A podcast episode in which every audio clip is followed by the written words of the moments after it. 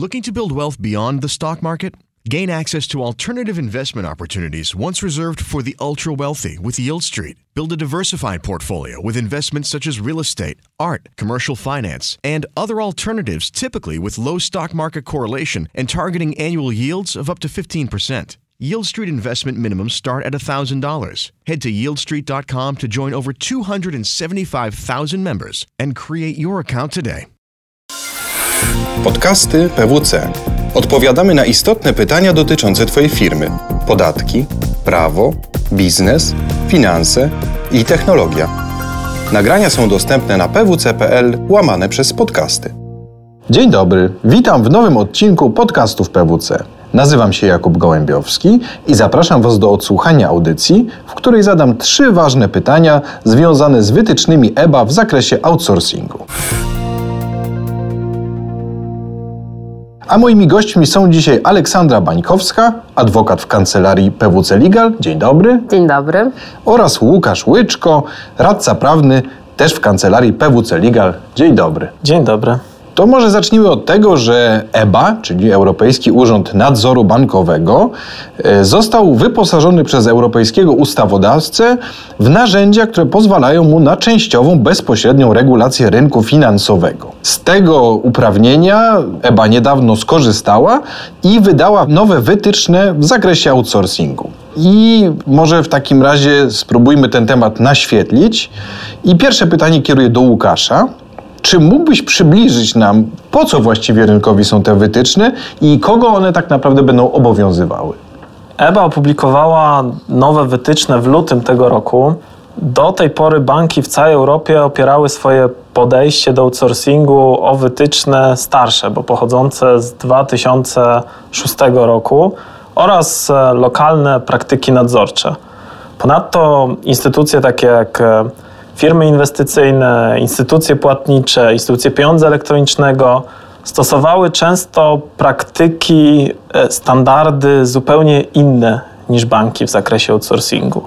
Dlatego też urząd postanowił ujednolicić podejście do outsourcingu w całej Europie i nowe wytyczne dotyczą już tak samo banków, firm inwestycyjnych, jak i instytucji płatniczych, instytucji pieniądza elektronicznego. Dla niektórych z tych podmiotów taki standard to kompletna nowość. Trzeba jeszcze zaznaczyć, że outsourcing to przecież współpraca instytucji nadzorowanej z podmiotem zewnętrznym. To jest często dostawca IT czy startup. I nowe wytyczne wpływają więc e, na kształt współpracy outsourcingowej pośrednio, także na podmiot nienadzorowany. Trzeba jeszcze dodać, że nowe wytyczne będą dotyczyć nie tylko nowej współpracy, ale także istniejących relacji w zakresie outsourcingu. Okej, okay. wiemy już, że te wytyczne wpłyną nie tylko na działalność szerokiej grupy, o której wspomniałeś, instytucji finansowych, no ale także na ich podwykonawców. I tutaj nasuwa mi się takie pytanie, ile czasu zostało na dostosowanie się do tych wytycznych? Nowe zasady obowiązują od 30 września 2019 roku, czyli bieżącego roku, dla wszystkich nowo zawartych, odnawianych lub aneksowanych umów outsourcingu. W związku z tym mamy jedynie 5 miesięcy na dostosowanie się w zakresie tych nowych umów. Jeżeli chodzi o pozostałe umowy, czyli te, które zostały już zawarte i nie będą w tym okresie zmieniane, odnawiane, e, to tutaj EBA dała termin do 31 grudnia 2021 roku. W związku z tym mamy nieco więcej czasu. W praktyce niewiele to zmienia, bo e, w praktyce podmioty regulowane, o których wcześniej wspomniał Łukasz, powinny być dostosowane już e, we wrześniu 2019 roku, w związku z tym, że tak naprawdę trudno określić, które umowy będą będą wymagały aneksowania lub zmiany w tym okresie przejściowym do 2021 roku, więc całość wdrożenia w organizacji powinna być już zrobiona na wrzesień tego roku. A w przypadku takich instytucji jak banki, tych umów outsourcingu jest, jest to duża liczba zazwyczaj i e, dużo pracy po stronie instytucji regulowanych. Warto również zwrócić uwagę, że już sam podział na dwa standardy w okresie przejściowym może być wyzwaniem dla niejednej instytucji.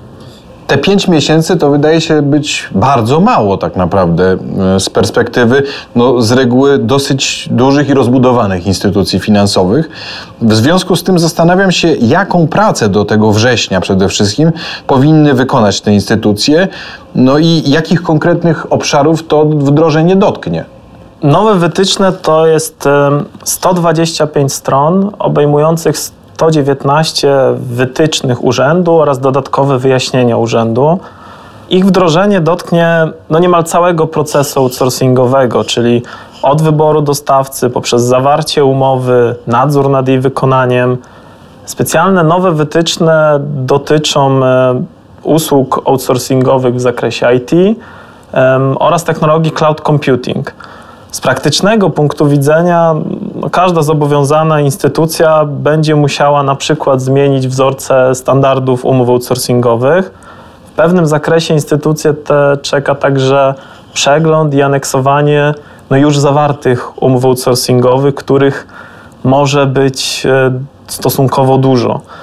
Dodatkowo instytucje te będą zmuszone wdrożyć nowe aspekty typowo procesowe związane z wyborem insorcerów i nadzorem nad insorcerami. No jednym słowem, rynek czeka dużo pracy. A ponieważ to jest taka tematyka w tej chwili dosyć nośna, to czy moglibyście się ustosunkować do tego, jak nowe wytyczne wpłyną na fintechy? To fintechy w tej chwili są no, ba bardzo bacznie przykuwają uwagę i, inwestorów, i w ogóle regulatorów rynkowych także. Także czy pokłócilibyście się o określenie, jak te wytyczne EBY właśnie na podmioty z tej grupy wpłyną? Tutaj wieloaspektowo trzeba to omówić, bo po pierwsze, jeśli chodzi o podmiotowy aspekt, czyli te podmioty, które określamy jako podmioty z sektora fintech, które są regulowane, czyli na przykład instytucja pieniądza elektronicznego, która równocześnie jest fintechem, czy instytucja płatnicza, one będą objęte całością tych wytycznych. Natomiast jeżeli popatrzymy na ten aspekt przedmiotowo, czyli mamy na myśli tutaj projekty fintech realizowane na przykład przez banki we współpracy ze startupami czy dostawcami IT, e, no to tutaj e, umowy z tymi startupami i z tymi dostawcami będą musiały oczywiście być objęte e, tą nową regulacją, tymi nowymi wytycznymi. Także tu jest wieloaspektowość w zależności od tego, jak sobie definiujemy, czy patrzymy e, przedmiotowo, czy podmiotowo e, na temat fintechu, to tak ta regulacja będzie miała zastosowanie. No a oczywiście nawet nieregulowane podmioty z sektora fintech, które w jakimkolwiek aspekcie współpracują jako e, usługodawcy na rzecz podmiotów regulowanych, no też będą musiały brać wytyczne EBA pod uwagę. To mając na uwadze to, co powiedzieliście, to przed instytucjami finansowymi kolejne wyzwania, wyzwania, których jak wygląda im nie brakuje w ogóle, tych wyzwań jest całkiem dużo, ale biorąc pod uwagę, że tutaj mamy do czynienia z taką perspektywą krótką czasową, no to myślę, że możemy zachęcić naszych słuchaczy do wzięcia udziału w śniadaniu biznesowym, które organizuje PWC. Ono się odbędzie 16 maja 2019 roku i będzie właśnie poświęcone tej tematyce i będzie pewnie można tam zyskać sporo wiedzy, która okaże się przydatna w tym procesie przygotowań. Taką mamy nadzieję, serdecznie zapraszamy. Ja z Łukaszem będziemy prelegentami podczas tego śniadania, ale mamy w planach również innych ciekawych gości, o których wkrótce e, na pewno w naszych publikacjach na LinkedInie. No i właśnie zakończymy taką lekko tajemniczą nutką. Bardzo dziękuję za wysłuchanie tego odcinka, a Oli i Łukaszowi za ciekawą rozmowę. Dziękujemy. Dziękujemy. Podobał Ci się odcinek? Podziel się z innymi oraz śledź nasze kanały. Więcej podcastów PWC znajdziesz na stronie pwc.pl ukośnik podcasty oraz w aplikacjach iTunes i Google Music. Do usłyszenia w kolejnym odcinku.